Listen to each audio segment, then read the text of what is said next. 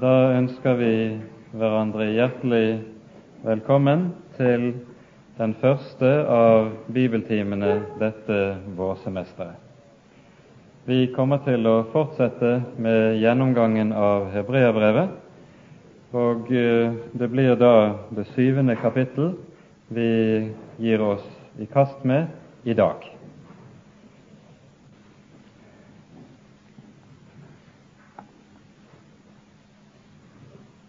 Skal vi be sammen før vi begynner.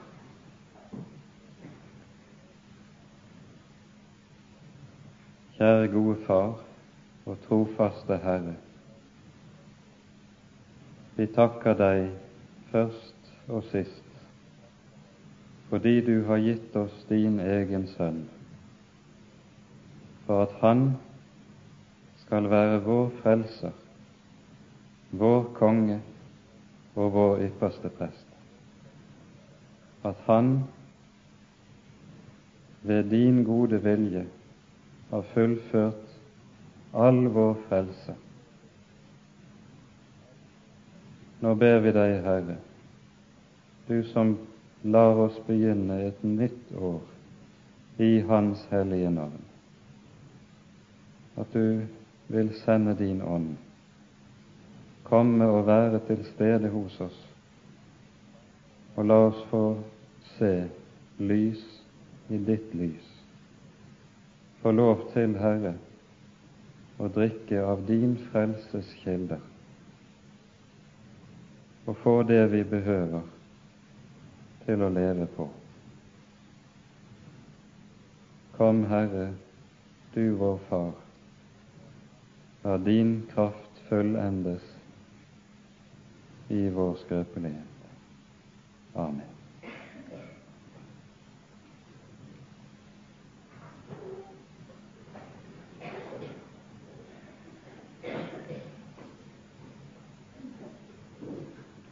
I Johannesprologen leser vi i slik Loven ble gitt ved Moses Nåden og sannheten kom ved Jesus Kristus. Og med dette pekes det enkelt og kortfattet på forskjellen mellom den gamle og den nye pakt, det som også er hovedtema og hovedinnhold i Hebreabrevet. Det som hebreabrevets forfatter ønsker å peke på for oss og lære oss, det er hvorledes den nye pakt er så meget herligere enn den gamle. Og da tegnes det for oss og males det for oss ut fra en rekke ulike synsvinkler. Og vi kan vel si det slik at i de foregående seks kapitler har det vært talt mer allment om forskjellen mellom den gamle og nye pakt, mens nå når vi går inn i det syvende kapittel, og vi kan da se frem helt ut til og med det tiende, tales det om denne forskjell med særlig henblikk på offertjeneste og prestetjeneste. Den nye pakt er så meget herligere enn den gamle, fordi Kristus som vår ypperste prest er så meget større enn den gamle pakts ypperste prester. Og Derfor er det offer han har brakt, også så meget mer i stand til å bringe oss i det rette forhold til vår Herre og vår Gud. Ja, i, det er noe vi vil se i dette kapittel, og dette kommer forfatteren stadig tilbake til. Den gamle pakts offer var ikke i stand til å gjøre noen fullkomne, noe derimot den Herre Jesus ved sitt offer nettopp gjør. Hva som ligger i dette skal vi komme tilbake til. Da er det slik at med det syvende kapittel tas der opp en tråd som så vidt har vært berørt i det foregående, talen om Melkisedek. I det sjette kapittel leser vi i det siste verset slik Jesus gikk inn, nemlig bak forhenget, som forløper for oss, han som ble ypperste prest til evig tid etter Melkisedeks vis. Og Melkisedek, som vi her hører om, er også omtalt i det femte kapittelet i det ellevte verset, der vi leser slik Unnskyld, det tiende verset. Han ble av Gud kalt ypperste prest etter Melkisedeks vis. Der henvises det til det sjette verset i det foregående. Og Denne tråden, talen om Melkisedek, er det noe som tas opp her i det syvende kapittel og utlegges og utfoldes med bred pensel for oss. Og Vi da begynner da på å lese fra vers 1 og leser igjennom det syvende kapittel i sammenheng. Denne Melkisedek var konge i Salem og prest for den høyeste Gud. Det var han som gikk Abraham i møte og velsignet ham da han vendte tilbake etter seieren over kongene. Det er han som Abraham ga tiende av alt. Han er når en utlegger navnet for det første rettferdighetens konge, dernest er han også Salems konge, det vil si freds konge. Han er uten far og uten mor, uten ettertavle. Hans dager har ingen begynnelse og hans liv ingen ende. Men han er gjort lik med Guds sønn og han er prest for all tid. Se hvor stor han er, denne som Abraham, patriarken, ga tiende av krigsbyttet. De av Levis sønner som får tjeneste som prester, har etter loven påbud om å ta tiende av folket, det vil si av sine brødre, enda disse nedstammet fra Abraham. Men Melkisedek, som ikke er av deres ett, tok tiende av Abraham og velsignet han som hadde fått løftene. Nå kan ingen nekte at det er den ringere som blir velsignet av den høyere. Og her er det dødelige mennesker som tar tiende, men der er det en som får det vitnesbyrd at han lever og så å si gjennom Abraham er også Levi, han som ellers selv mottar tiende, blitt ilagt tiende. For han var ennå i sin fars lend da Melkisedek møtte ham. Dersom det nå hadde vært mulig å nå fullkommenhet ved det levittiske prestedømmet, som folket jo var lovbundet til, Hvorfor var det da behov for at det skulle fremstå en annen prest etter Melkisedeks vis, og ikke en som ble kalt prest etter Arons vis? For dersom prestedømmet blir omskiftet, da skjer det jo nødvendigvis også en omskiftelse av loven. For han som dette blir sagt om, tilhørte en annen stamme og ingen av den stammen har hatt noe med altertjenesten å gjøre. For det er en kjent sak at vår Herre er rundet av Juda, og Moses har aldri sagt noe til den stammen om prestedømmet. Og alt dette blir enda mer klart når det fremstår en annen prest som er lik Melkisedek. Han er blitt prest ikke etter en lov om legemlig avstamming, men ifølge et uforgjengelig livs kraft. Han får jo det vitnesbyrd du er prest til evig tid etter Melkisedeks vis. Et tidligere bud blir altså gjort ugyldig fordi det er svakt og unyttig.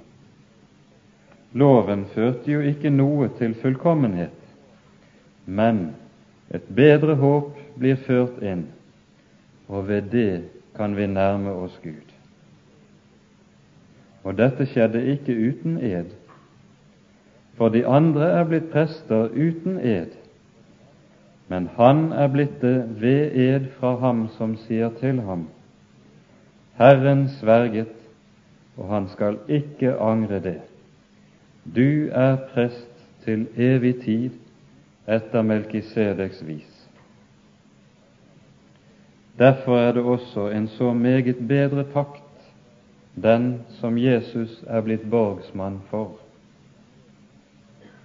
Og av disse andre prestene er det blitt mange på grunn av at de ved døden hindres fra å fortsette men han har et prestedømme som ikke kan forandres, fordi han blir ved til evig tid. Derfor kan han også fullkomment frelse dem som kommer til Gud ved ham, da han alltid lever til å gå i forbønn for dem.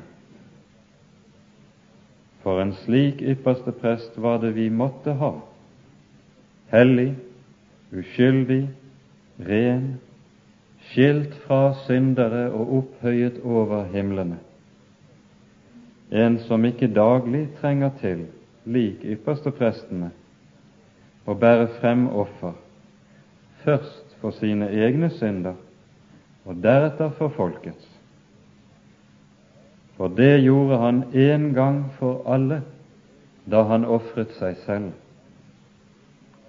For loven innsetter skrøpelige mennesker som ypperste prester. Men edens ord, som kom etter loven, innsetter Sønnen, Han som er blitt fullendt for evig tid.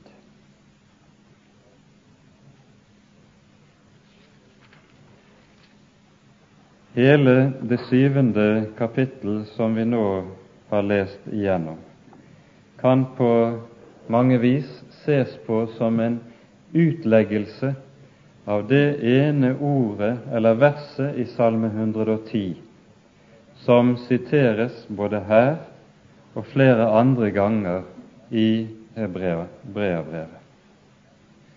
Salme 110 er jo en av de helt sentrale salmene i Det gamle testamentet. Jesus henviser selv til dem. I Matteus 22 hører vi i hans samtale med fariseerne. Der fariseerne og de skriftlærde først gjennom en rekke ulike spørsmål de har stilt Jesus, prøver å sette ham fast og målbinde ham. Og det er ikke noen små problemstillinger de kommer til Jesus med for å prøve å få til det. Men hele tiden blir det slik at Jesus svarer dem til deres undring og med en visdom som bare kan være gitt ovenfra. Men etter at de ikke har mer de kan spørre om, er det Jesus stiller dem spørsmål. Han spør, Hva synes dere om Messias, hvis sønn er han? Enstemmig svarer de på grunnlag av Skriftene, han er Davids sønn og etterkommer. Hvorpå Jesus med utgangspunkt i Salme 110 spør, Hvorledes kan David da si om ham, eller kalle ham, Herre? fordi det står skrevet Herren sa til min Herre, sett deg ved min høyre hånd, til jeg får lagt dine fiender til skammel for dine føtter. Etter gammeltestamentlig og jødisk måte å tenke på var det stamfaren som var herre, herre for alle etterkommerne. Og David da kaller Messias for sin herre, Messias som er Davids etterkommer, det blir helt umulig for de skriftlærde å kunne besvare. Men med dette vil Jesus peke på for de skriftlærde hva som er hemmeligheten med hans person. Han er ikke blott og bart menneske, men han er også Gud, den som sitter ved Faderens høyre hånd fra evighet. Salme 110 er altså en salme som i sin helhet taler om Messias og forkynner for oss at Messias er Gud fordi han bærer herrenavnet, Det gamle testamentets Guds navn. Men så forkynner altså Salme 110 også en annen helt grunnleggende sannhet om denne Herre. Herren har sverget du er, yppers, du er prest til evig tid etter Melkisedeks vis. Hva er det som ligger i det? Etter det som var jødisk forståelse av Det gamle testamentets profetier, så skulle Messias komme av Davids hus og Davids ett og være Israels konge, og han skulle strekke sitt septer ut over alle hedningene, slik at han også ble hedningenes konge. Det er jo dette spørsmål som Pilatus møter ham med ved, sitt, ved sin utspørring langfredagsmorgen. Er du konge? Ja, Jesus svarer bekreftende på dette. Men hans rike er ikke av denne verden. Konge er han i samsvar med Det gamle testamentets løfter og profetier. Han er Davids rotskudd og ett. Men nå er det slik, etter den gamle pakts ordning, at de som skulle være prester, dvs. Si de som skulle gjøre tjeneste i helligdommen, de var av Levi stamme ikke som David av Juda stamme. Og de skulle være av Arons etterkommere. De øvrige av Levi stamme de hadde lavere tjenester i tempelet, mens Arons etterkommere de var de egentlige prester.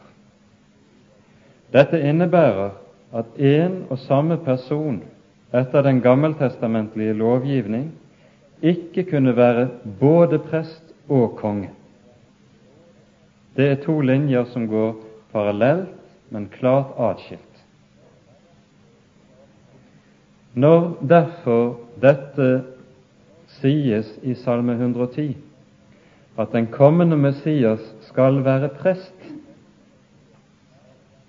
så sies det med dette her gis det en helt ny ordning som opphever den ordning som ble innstiftet ved Moses, og som taler om Den gamle testamentets offerlovgivning, med alt hva det innebærer. Du er prest til evig tid etter Melkisedeks vis. Det at Messias skulle være prest, det sies også flere an, gjennom flere andre ord i Det gamle testamentet, så det er i og for seg ikke noen ny lære som hebreerbrevets forfatter har funnet på. Men det er tydelig at de jødiske skriftlærde ikke var oppmerksom på betydningen av disse ord. Her skal det bare pekes på to sentrale skriftsteder i denne sammenheng. først fra Sakarias profeti, det sjette kapittelet.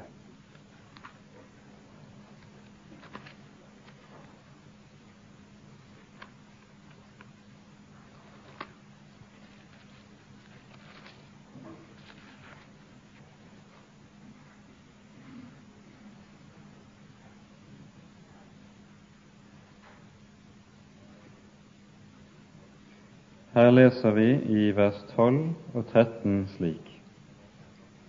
Si til ham, så sier Herren, herskarenes Gud, se, det skal komme en mann som heter Spire. Han skal spire frem av sin rot, og han skal bygge Herrens tempel. Ja, han skal bygge Herrens tempel. Han skal vinne herlighet og sitte og herske på sin kongetrone. Og han skal være prest der han sitter på sin trone. Og fredsråd skal det være mellom dem begge. Altså kongedømme og prestedømme skal smelte sammen og bli en enhet. Spire er et av Det gamle testamentets sentrale Messias-navn, men vi skal ikke gå nærmere inn på det i denne sammenheng. Dernest går vi til profeten Jeremia, det 30. kapittelet.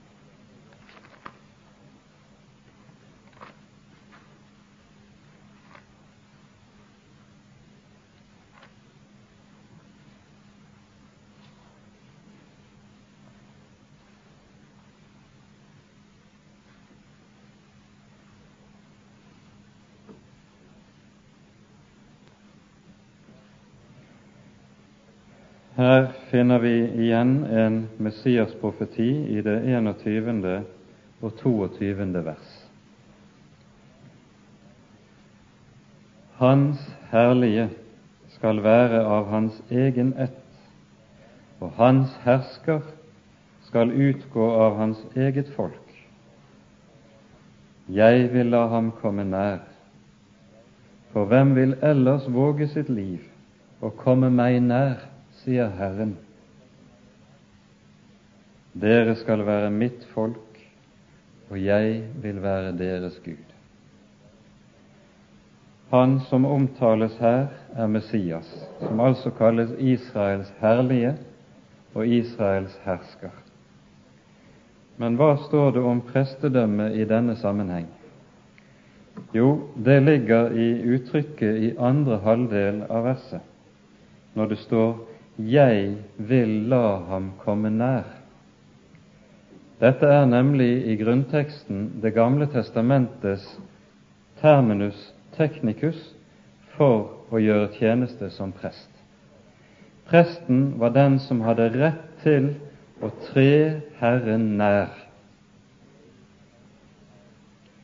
Og i lovgivningen om prestedømme i Mosebøkene, du kan se i Fjerde Moseboks 18. kapittel eksempelvis, der sies det gjentatte ganger dersom en fremmed, dvs. Si en som ikke er prest, kommer nær til, skal han late livet. Gjentatte ganger sies dette. Jeg vil la ham komme nær. Det betyr han skal ha prestelig tjeneste. Hvem vil ellers våge sitt liv og komme meg nær, sier Herren. Og det å tre Herren nær slik, det er uttrykk for det å komme inn for Guds ansikt for å gjøre soning for synd. Og så er det et gjennomgangstema i hele Det gamle testamentets lovgivning om ofrene at i kraft av den soning som skjer i tempelet, i helligdommen, så sies det til folket Jeg vil være deres Gud, dere skal være mitt folk. Om igjen og om igjen kobles dette løftet sammen med forskriftene om tempelet, soning, prestetjeneste. Og Legg merke til at nettopp dette står som følgesetning her i Jeremias 22. Og dere skal være mitt folk, og jeg vil være deres Gud. I kraft av at Messias trer nær, blir dette frukten. Herren vil være vår Gud, ikke fremmed. Vi skal være Hans folk og tre inn i pakten.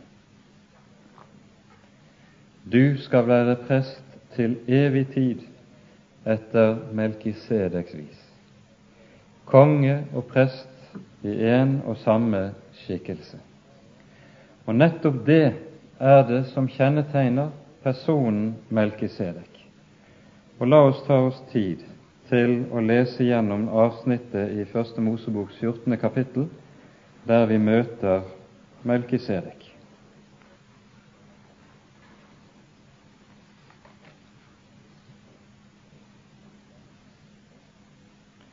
Sammenhengen dette står i, det er at det var en gruppe på fire konger som hadde alliert seg og dratt på hærtog og erobret bl.a.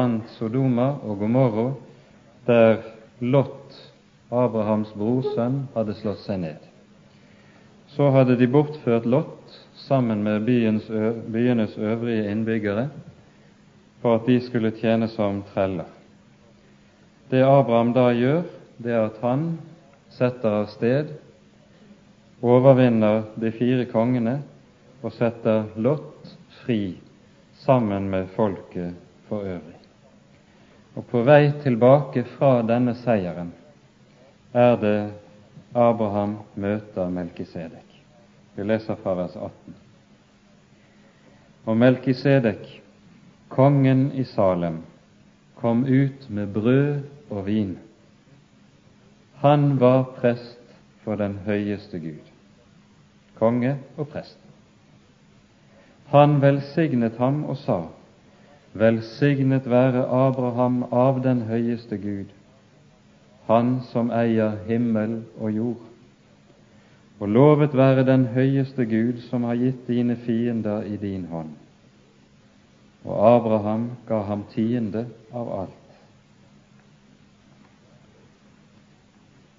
Dette er så meget som vi hører om Melkisedek i Bibelen, ikke mer. Og han er en person som det er knyttet de aller største spørsmål til, nettopp fordi intet mer sies om ham, man vet ingenting mer. Salem var det gamle navnet på Jerusalem. Det byen kalles Salem i et par steder i Salmenes bok. Senere fikk byen navnet Jerusalem, antagelig fordi byen ble erobret og overtatt av kananittene, og de omdøpte byen som følge av det. Navnet Salem kommer av det hebraiske shalom, som betyr fred, og som hebreerbrevets forfatter legger vekt på i det han her skriver. Navnet Melkisedek betyr rettferdighetens konge. Melek, eller Malki på hebraisk, det betyr konge. Sedek er rettferdighet. Og nå blir denne Melkisedek et avbilde av Kristus, av Messias som kommer. Vi legger merke til at i det syvende kapittel her i Hebreabrevet sies det i vers 3 at det er Melkisedek som er gjort lik Guds sønn, ikke omvendt. At Guds sønn er gjort lik Melkisedek. Det første vi merker oss her med dette, det er altså at Melkisedek både er prest og konge i samme person. For det annet, navnet tillegges den største betydning. Han er rettferdighetens konge. Dette er et navn som senere i Det gamle testamentet gjennomgående gis som navn på nettopp Messias som kommer. To steder kan vi peke på i denne sammenheng som er begge har den største betydning. Først i 2. Samuels boks 23. kapittel,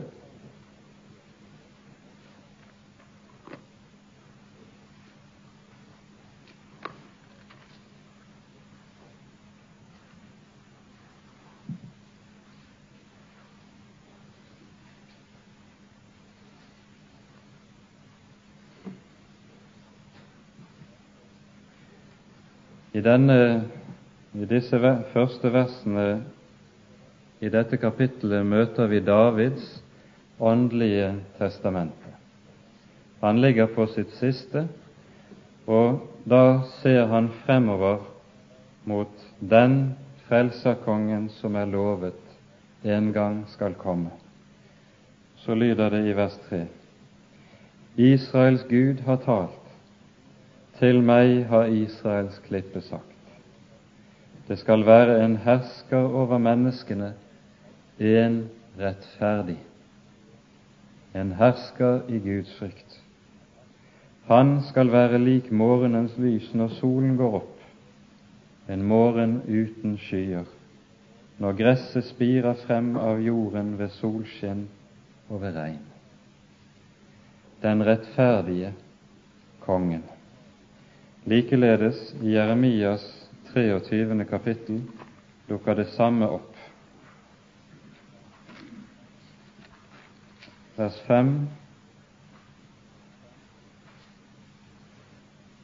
og 6.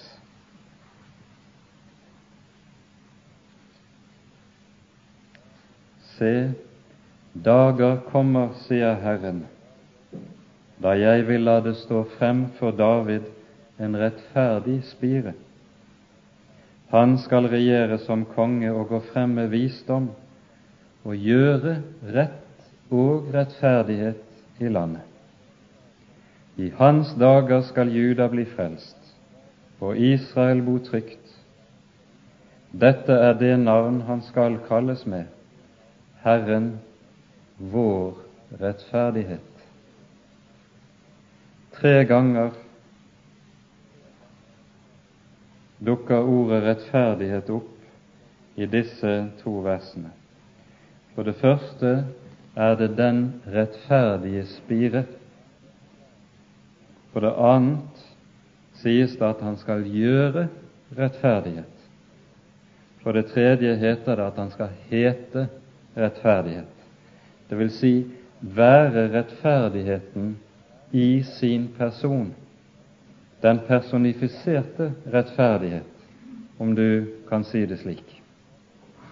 Og Tilsvarende kalles også Jesus i Det nye testamentet for den rettferdige. Og Når ordet brukes slik i bestemt form, så er det fordi det dypest sett bare er ett menneske som er rettferdig. Alle andre er urettferdige alle andre har synd heftende ved seg. Og det at han kalles den rettferdige konge, stiller ham til, i motsetning til alle andre konger i verdenshistorien. For det finnes vel knapt en konge i historien som ikke har hersket ved urettferdighet. Urett, vold og makt har fulgt kongene oppover gjennom hele historien. Men her skiller han seg fra alle andre, den rettferdige kongen. Og byen han hersker i, heter altså Fred. Salem, han er freds konge. Og slik er det i Den hellige Skrift at rettferdighet og fred er to ting som hører uløselig sammen som ikke kan løses fra hverandre. Dette sannes som noe av en grunnlov i Guds rike òg. Derfor sies det uttrykkelig flere ganger hos profetene den ugudelige har ingen fred, men der det er rettferdighet, den rettferdighet som er gitt ovenfra, der er det fred. Vi kan hente frem et viktig vers i så måte hos Jesaja i det 32. kapittelet.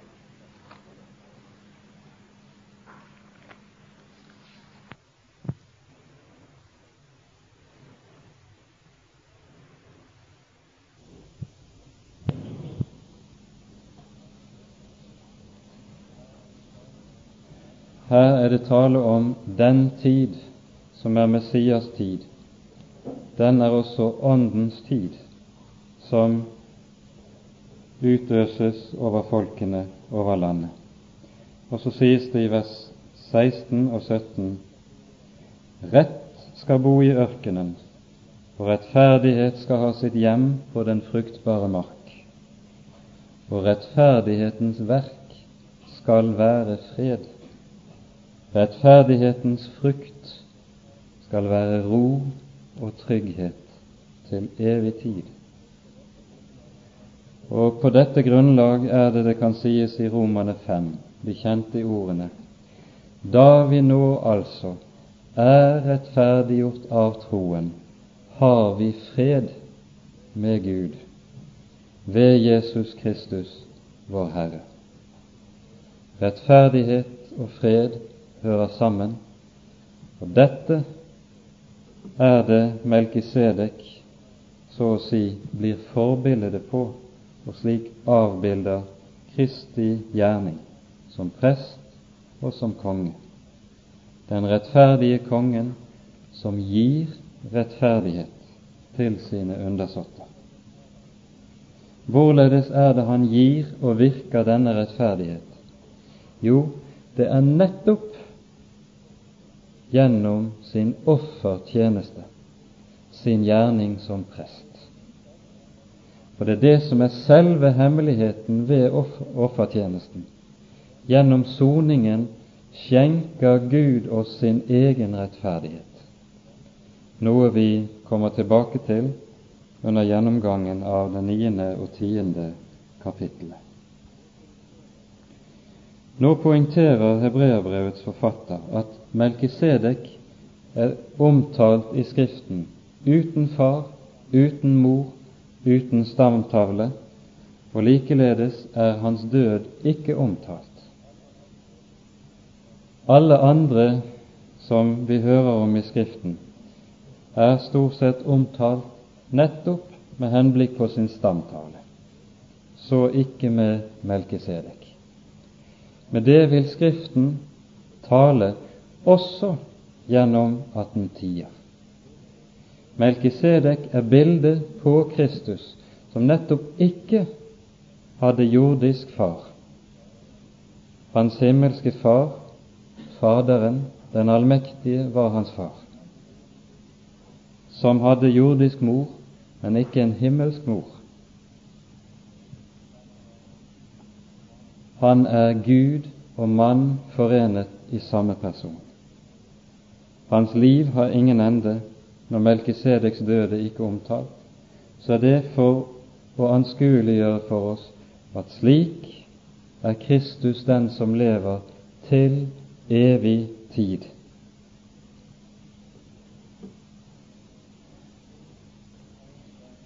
Så tegnes det fra vers 4 av og utover.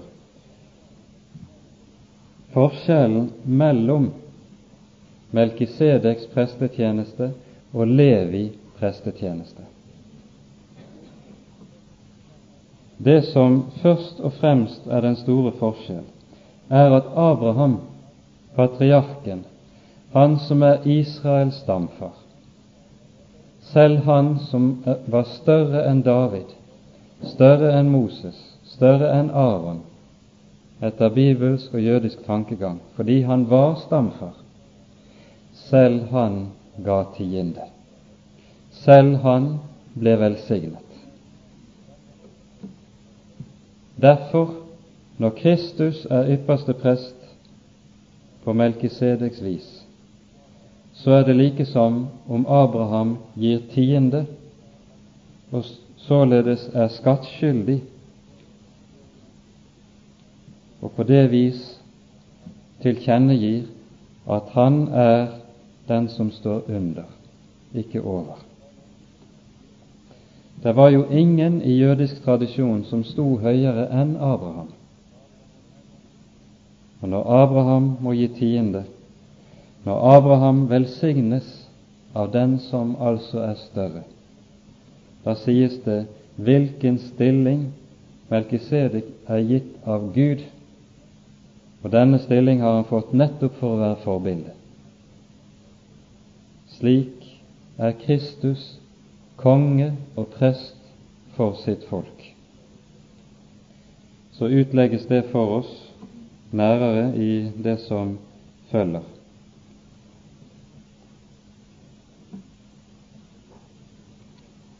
Og vi går så videre og tar et hopp til vers 12, der det sies dersom prestedømmet blir omskiftet, da skjer det nødvendigvis også en omskiftelse av lovene. Det som med dette understrekes for oss, det er at det er tvingende nødvendig at det innstiftes en ny pakt, jf. det som sies oss i vers 11. Dersom det nå hadde vært mulig å nå fullkommenhet ved det levittiske prestedømmet, som folket jo var lovbundet til, hvorfor var det da behov for at det skulle fremstå en annen prest etter Melkisedeks vis? Det var ikke mulig å nå fullkommenhet. Og det vi her møter, det er på sett og vis en annen side av det samme som apostelen Paulus underviser om i Romerbrevet og Galaterbrevet særlig, nemlig at loven ikke bringer frelse. Paulus utlegger dette i sammenheng med den etiske lovgivning. Loven er ikke i stand til å bringe frelse, fordi det vi kan gjøre, være, gjennom vår lydighet, aldri vil kunne gjøre oss rettferdige. Derfor lyder konklusjonen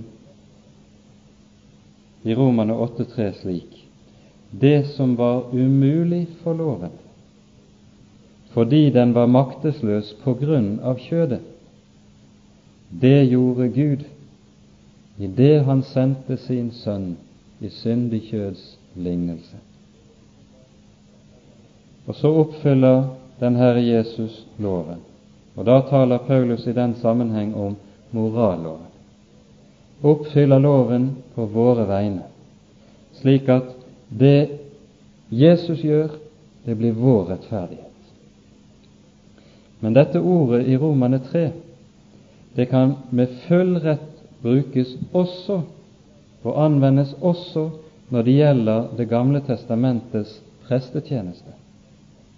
For heller ikke den var i stand til å bringe fullkommenhet, bringe rettferdighet. Den kunne kun bringe en foreløpig rettferdighet som bare etter sitt vesen er et forbilde på den egentlige når den kommer i tidens fylde. Og det er det som utlegges for oss nå videre her i det syvende kapittelet.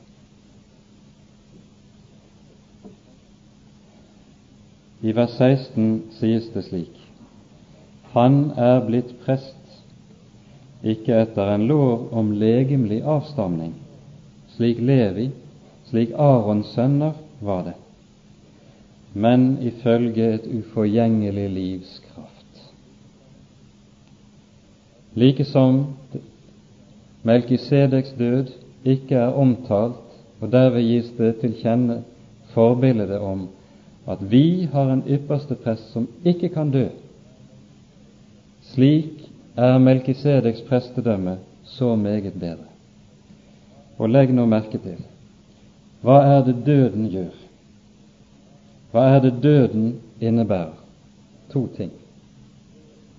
For det første døden er syndens straff. Det er jo en sannhet som gjelder grunnleggende gjennom hele Bibelen, like fra syndefallet av. Dersom du eter av treet, skal du visselig dø. Og I Romane 6 sies det syndens lønn er døden. Og fordi vi alle har syndet, må vi alle dø. Derfor er det slik at døden, den stanser enhver gjerning. Døden stanser enhver tjeneste. Døden lukker enhver munn, også Arons prestedømme. Aron kan ikke gå i forbønn til evig tid. Aron kan ikke fremstilles seg selv for Guds ansikt til evig tid. Men det kan han som er ypperste prest etter Melkisedeks vis, fordi han ikke dør. Og så ser vi at Kristi oppstandelse blir grunnlag for at han har et evig prestedømme. Døden har ikke noen makt over ham. Dette er det det henspilles til i innledningen til Johannes' åpenbaring. La oss kort se på det. I det første kapittel er det slik at den Herre Kristus åpenbarer seg for Johannes i en herlig og forklaret skikkelse. Vi leser i vers 12 og vers 13. Jeg vendte meg om for å se røsten som talte til meg, og da jeg vendte meg, fikk jeg øye på syv lysestaker av gull. Midt mellom lysestakene var det en som lignet en menneskesønn.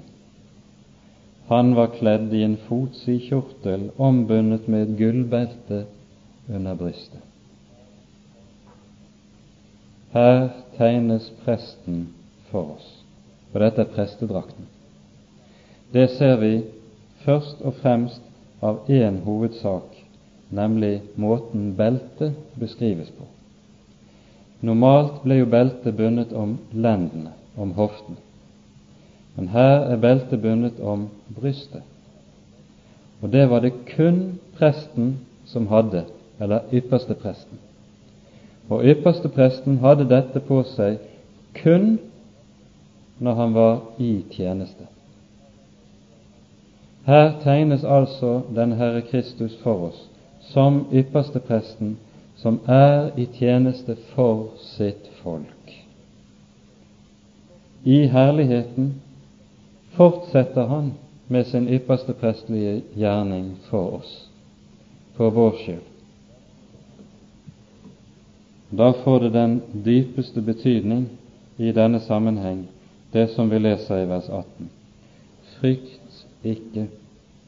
Jeg er den første og den siste og den levende. Jeg var død, og ser jeg er levende i all evighet.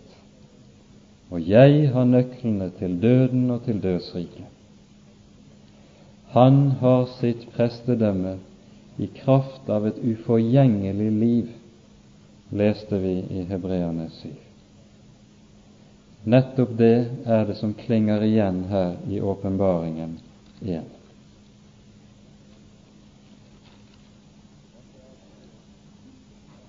Dette er det så forfatteren går videre inn på i fortsettelsen. Vi leser fra vers 19 loven førte jo ingen til fullkommenhet, men et bedre håp blir ført inn, og ved det kan vi nærme oss Gud. Dette skjedde ikke uten ed, for de andre er blitt prester uten ed, men han er blitt det ved ed fra ham som sier til ham, Herren sverget. Og her tegner Hebreabrevets forfatter igjen for oss den annen ed. To ganger slik møter vi eden i Guds egen munn. Første gang omtales eden i det sjette kapittel her i Hebreabrevet. Det er den ed Gud sverger Abraham i Første Mosebok 22, der han med ed lover å stå inne for det løftet som var gitt. I deg skal alle jordens folkeslag velsignes. Den annen ed Herren sverger, er her. Og om denne ed gjelder det like meget det som skrives om eden til Abraham. Vi leser i vers 17 i det sjette kapittelet. Da Gud så ville vise løftets arvinger desto mer klart hvor urokkelig hans vilje er, innesto han for det med en ed, for at vi skulle ha en sterk trøst ved to urokkelige ting som utelukker at Gud kunne lyve. Vi som har tatt vår tilflukt til å gripe det håp som er gitt. To urokkelige ting.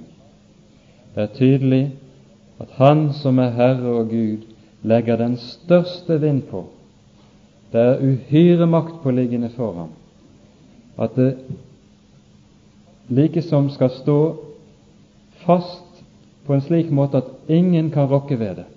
Derfor sverger den levende Gud, Han som er sannhet, Han i hvem det aldri er løgn eller halvsannhet engang.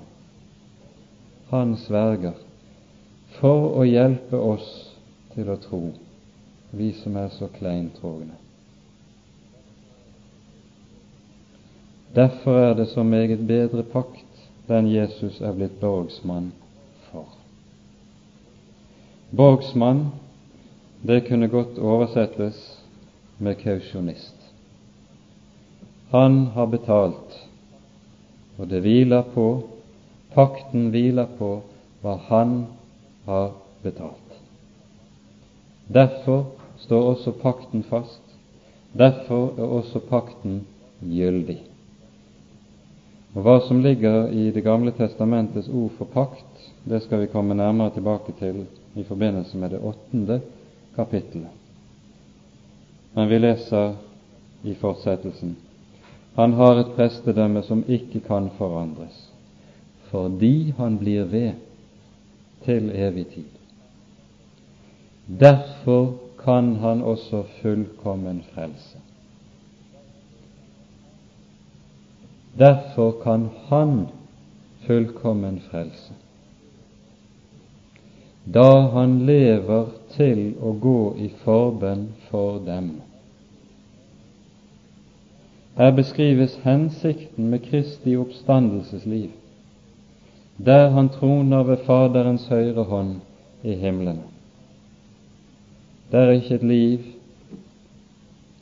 i ørkesløs intethet, men det er et liv der han fortsatt gjør tjeneste for vår skyld, for synderes skyld, for at syndere ved ham kan eie en fullkommen frelse.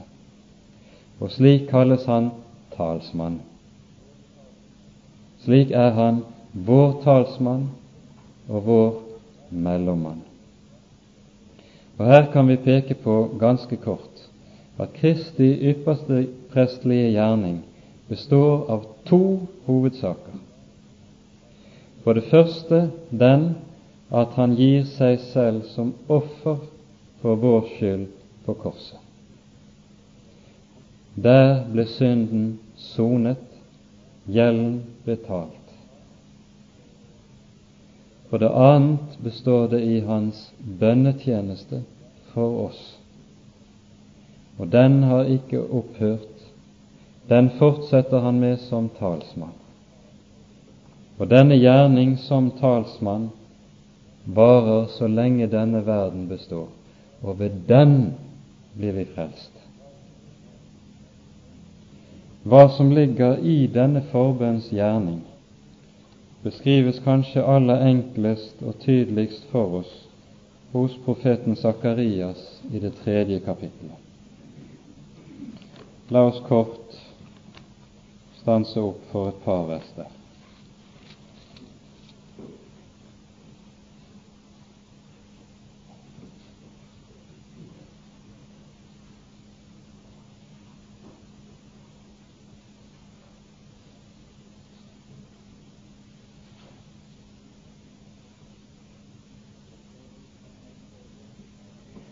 Så lot han meg se Josva, ypperstepresten, som sto foran Herrens engel, og Satan sto ved hans høyre side for å anklage ham.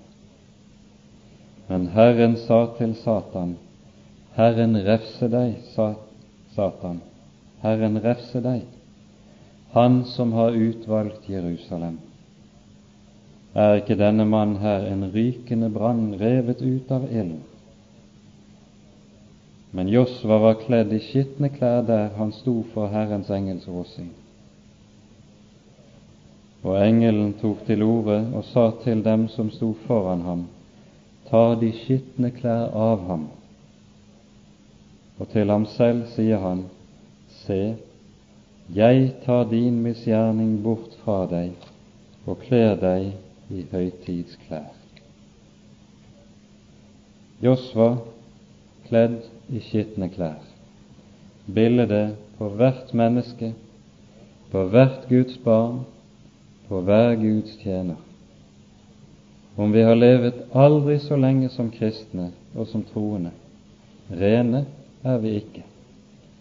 Om vi har nådd aldri så langt i helliggjørelse, rene er vi ikke. Syndere er vi like meget som trenger nåde. Og står vi for Hans åsyn, så står vi i skitne klær. Og så tegnes det for oss det som likesom er en rettssal. Herren er dommeren, og så er det en anklager, Satan. Og det anklageren gjør, det er jo ikke at han finner opp en hel masse ting, men han peker på hva som faktisk er skjedd hva som faktisk er gjort, og som er tilstanden. Han sier, 'Du har gjort slik og slik. Du har skitne klær. Du er skyldig. Du som er skitten, passer ikke i den hellige Guds lys og himmel. Og hver den som er av sannheten, må si dette er rett. Slik er det. Jeg er skyldig, jeg er uren. Og da blir spørsmålet hva er der mitt håp? Jo, håpet er nettopp at Han som er Herre og Gud, også har gitt en forsvarsadvokat der for retten, for domstolen. Og denne forsvarsadvokat gjør to ting. Både svarer han Satan og dømmer han, og han sørger for at den som er kommet i skitne klær, får rene klær, blir renset, helliget, hvit og klar som stjernen. Denne talsmann er den Herre Kristus. Denne gjerning er det Jesus øver i himmelen for vår skyld. Derfor er det det lyder. Derfor kan Han fullkomment frelse dem som kommer til Gud ved ham, da Han alltid lever til å gå i forbønn for dem. Og når Han går i forbønn for oss, hva gjør Han da? Han trer frem for Faderen og viser ham sine hender og sier, Vel er det sant at Jan er en synder. Vel er det sant at han har falt dypt og har falt mange ganger. Men med disse sår er det gjort fyldest.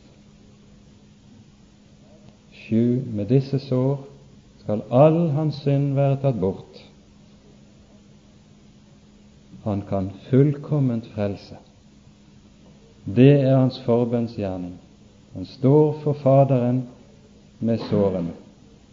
Og Derfor er det også, du ser i Johannes' åpenbaring, at når Guds sønn er tegnet i himmelen, hvordan er han tegnet? Gjennomgående som et lam som er slaktet. Sårene er der. Sårene er der. De blir ikke vekke. For Han som er ypperste prest til evig tid, i kraft av et uforgjengelig liv. Dette uforgjengelige liv tar ikke vekk sårene. De er der til evig tid, for at du og jeg skal gå fri, for at du og jeg skal eie en evig frelse, for at du og jeg skal få lov til å ha stående at vel er vi syndere som ikke passer sammen med den hellige Gud. Men det er betalt, det er gjort soning, og den evige Gud har selv sin sønn stående for sine øyne til evig tid. Han lever til å gå i forbønn for dem. Han gjør tjeneste, og tjenesten har ikke, enda ikke holdt opp. Det er ingen død som stanser han. Det er ingen død som lukker hans munn. Han lever til å gå i forbønn for sine. Han kan frelse dem som kommer til Gud ved ham. Så gis det ingen annen vei til Gud enn gjennom Han. For ingen kommer til Faderen uten ved ham. Men den som kommer ved ham, han blir fullkomment frelst. Ikke halvt, ikke delvis, men med en frelse som omfatter og gjelder hele livet, som gjelder tid og evighet, som gjelder legeme og sjel, slik at du og jeg, når dagen kommer, i kraft av denne frelse, skal få del i den samme herlighet som Han har helliget, herliggjort med Hans egen herlighet. For Han lever til å gå i forbønn for oss. Det er den ypperste prestelige gjerning som fortsatt står ved lag. Amen. Ære være Faderen og Sønnen og Den hellige ånd, som var, er og være skal, en sann Gud, høylovet i evighet. Amen.